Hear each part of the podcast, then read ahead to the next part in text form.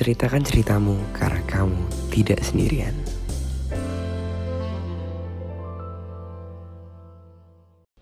Hai, hari ini gue mau menceritakan keresahan yang gue alami. Yang mungkin ada banyak orang yang juga mengalaminya Dan ada beberapa yang tidak. Semoga yang tidak merasakan bisa mensyukurinya.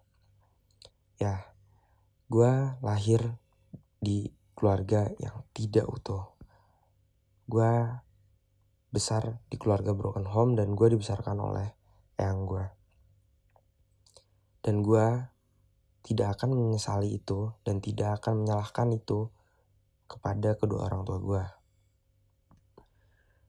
Gue waktu masih SD, gue inget banget. Gue inget banget waktu gue masih SD sekitar kelas 2. Itu gue sudah merasakan uh, apa itu uh, rasanya mempunyai keluarga broken home dan berbeda dengan keluarga orang-orang lain, keluarga keluarga teman-teman gue. Sebelum itu mungkin gue fine-fine aja, tidak iri dan lain-lain. Di saat gue kelas 2 SD, gue masih ingat banget zaman bagi-bagi rapot. Pasti lolos semua yang keluarganya utuh diambil orang tuanya pastinya.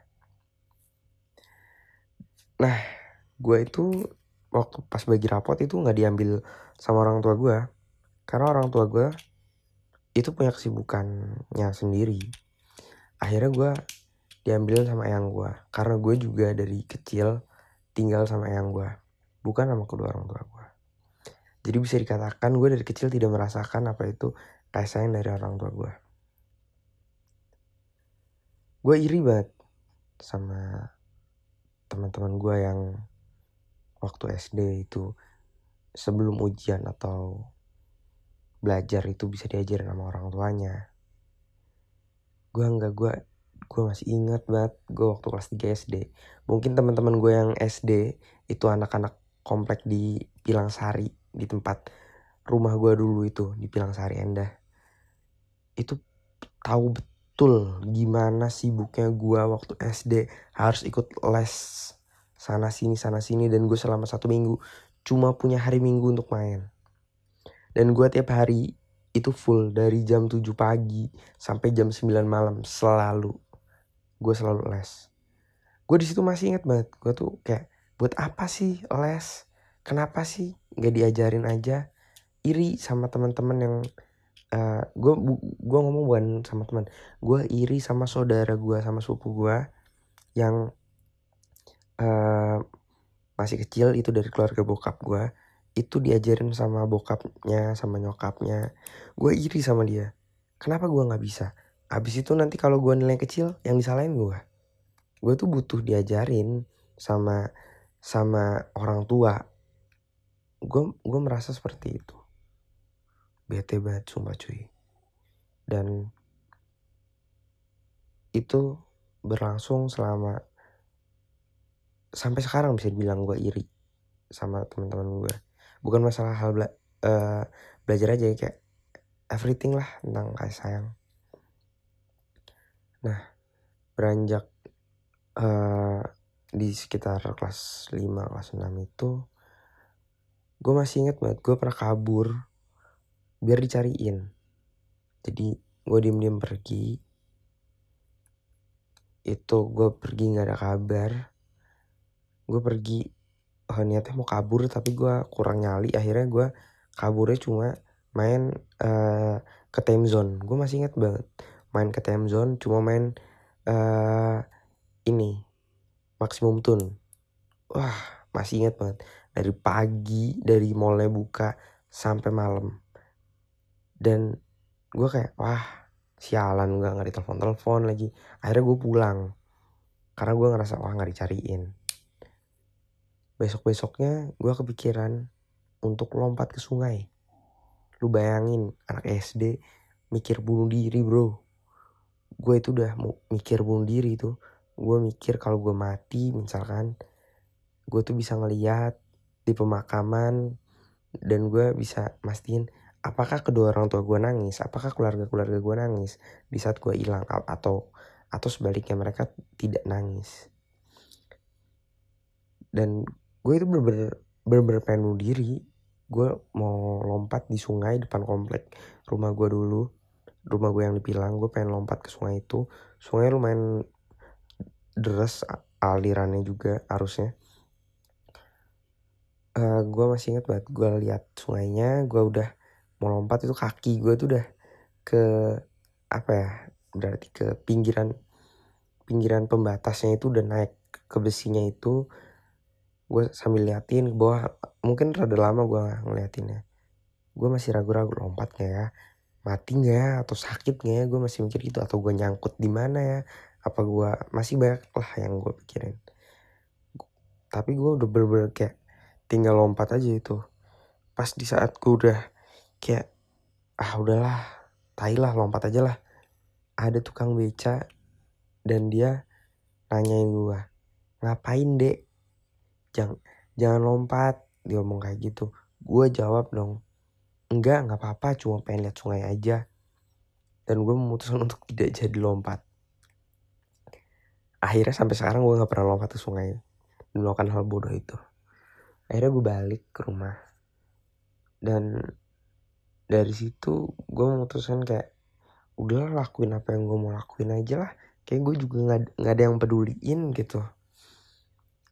Beranjak ke SMP akhirnya kedua orang tua gue merit.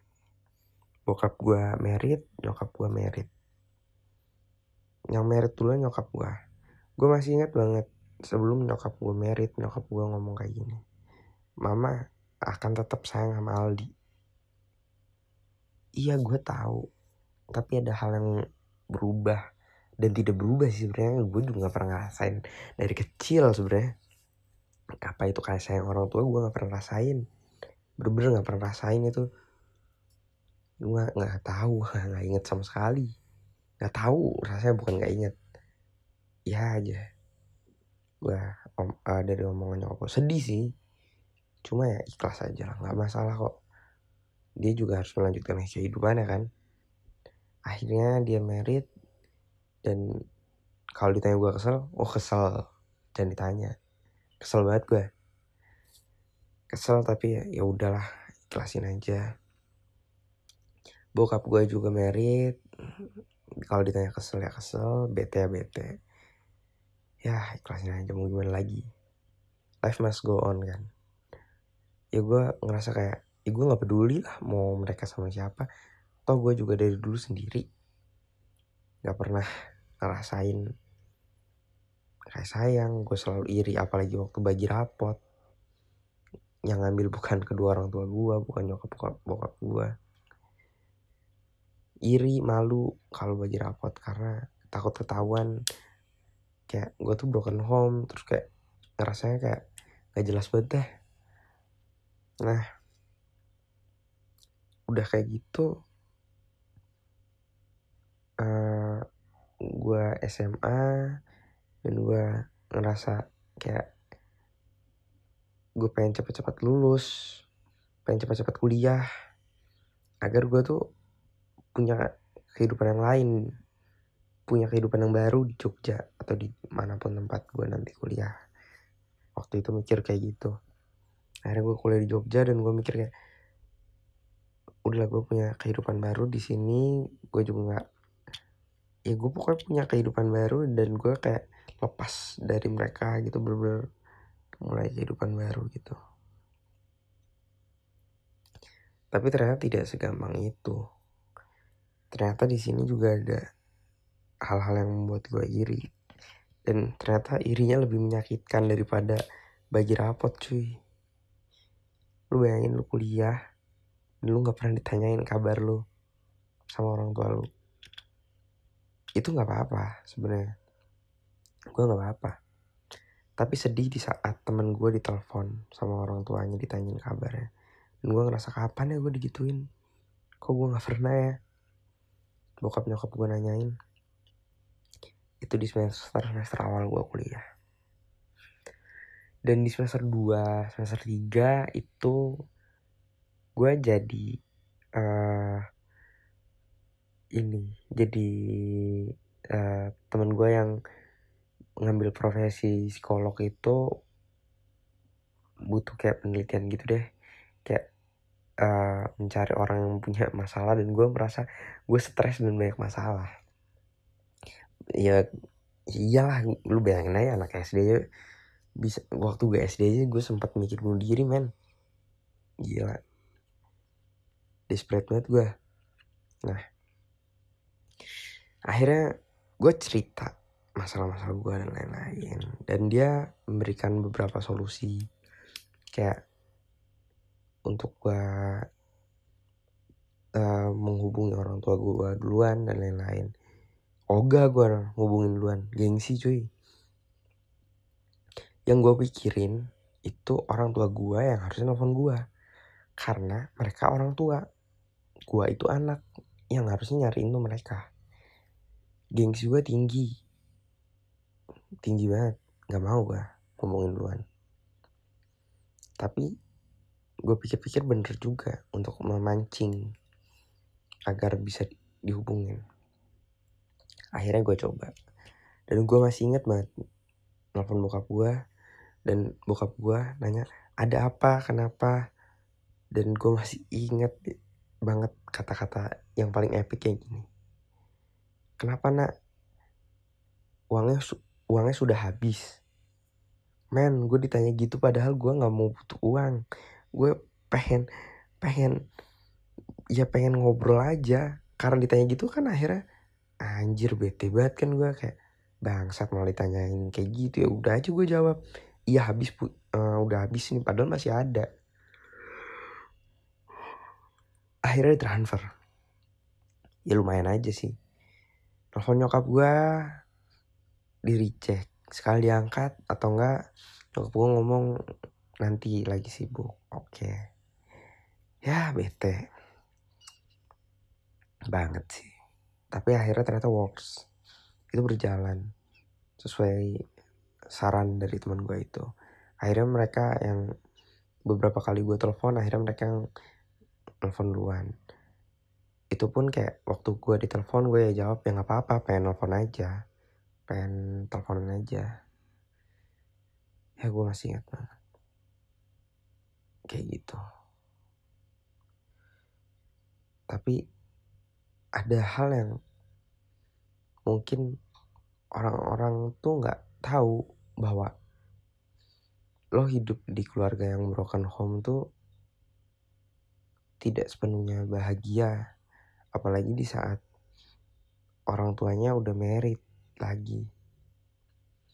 Mungkin gue kelihatan fine fine aja tapi gue iri bukan iri sih. Gak iri gue sama keluarga baru mereka nggak. Nyokap gue dengan keluarga barunya bokap gue dengan keluarga barunya gue bahagia dengan tersenyum. Tapi gue sedih karena gue merasa gue tuh sendiri dan gue tidak pantas berada di kebahagiaan itu. Tapi gue senang di kebahagiaan itu. Maksudnya senang melihat kebahagiaan itu. Di keluarga bokap nyokap.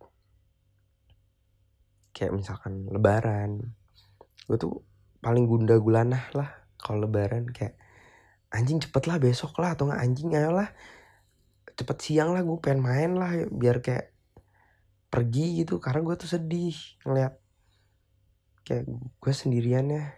Anjing tai lah. Nyokap gue udah punya keluarga barunya. Gue ngerasa kayaknya gue nggak harusnya ada di situ deh. Tapi gue bahagia ngeliat nyokap gue dengan keluarga barunya dengan anak-anaknya dengan ada di diri gue gue bahagia ngeliat itu. Atau di keluarga bokap gue gue bahagia ngeliat itu. Tapi gue tuh ngerasa kayak gue gak ada nggak harusnya di situ men. Sumpah. Sebenarnya itu juga yang memotivasi gue pengen cepet nikah pengen cepet kelar kuliah. Ya agar gue punya keluarga sendiri. Ya begitulah nggak enaknya di broken home. Jadi jangan lo anggap Gempi itu bahagia dengan dengan keadaannya seperti itu. Gempi akan merasakan apa yang gue rasakan percaya sama gue walaupun Gempi uh, bergelimangan rezeki yang banyak percaya cuy sama gue nggak seindah itu. Dia tuh akan ada rasa kayak dia bahagia ngeliat nyokap bokapnya udah merit dia tuh bahagia. Dan dia juga akan merasakan kayak dia tuh seharusnya tidak ada di kebahagiaan itu juga. Nggak tau lah. Gue ngerasain hal itu cuy kayak ya dibilang sakit sakit ya. Kadang sakit kadang enggak kecewa juga. Apa yang perlu dikecewain? Itu juga bukan mungkin itu juga bukan kemauan mereka mungkin juga ada alasan di balik itu kan. Ya mau gimana lagi? Hidup juga harus tetap jalan. Gue tahu. Iri juga nggak baik tapi rasa iri yang gue rasain tuh rasa sedih ini nih akan selalu ada. Karena yang gue butuhin tuh mereka nanyain kabar gue dan lain-lain. Iri gue ngeliat temen gue ditelepon subuh-subuh sama orang tuanya suruh sholat kadang gue sedih kalau yang nelfon tuh omah gue ya karena kan gue dibesarin nama dia. Kayak gue ngerasa ternyata gue masih ada yang nyariin ya masih ada yang peduliin. Ya gue nggak bisa ngejudge dengan nelfon itu peduli sih. Gue tahu orang tua gue peduli. Masih mau biayain gue juga ya. Semoga buat lo yang denger ini jangan sampai lah lo nanti nikah. Itu sampai cerai kasihan anaknya. Pertahankan sebaik mungkin sebisa mungkin walaupun berat pertahankan. Jangan sampai lo korbanin hati anak lo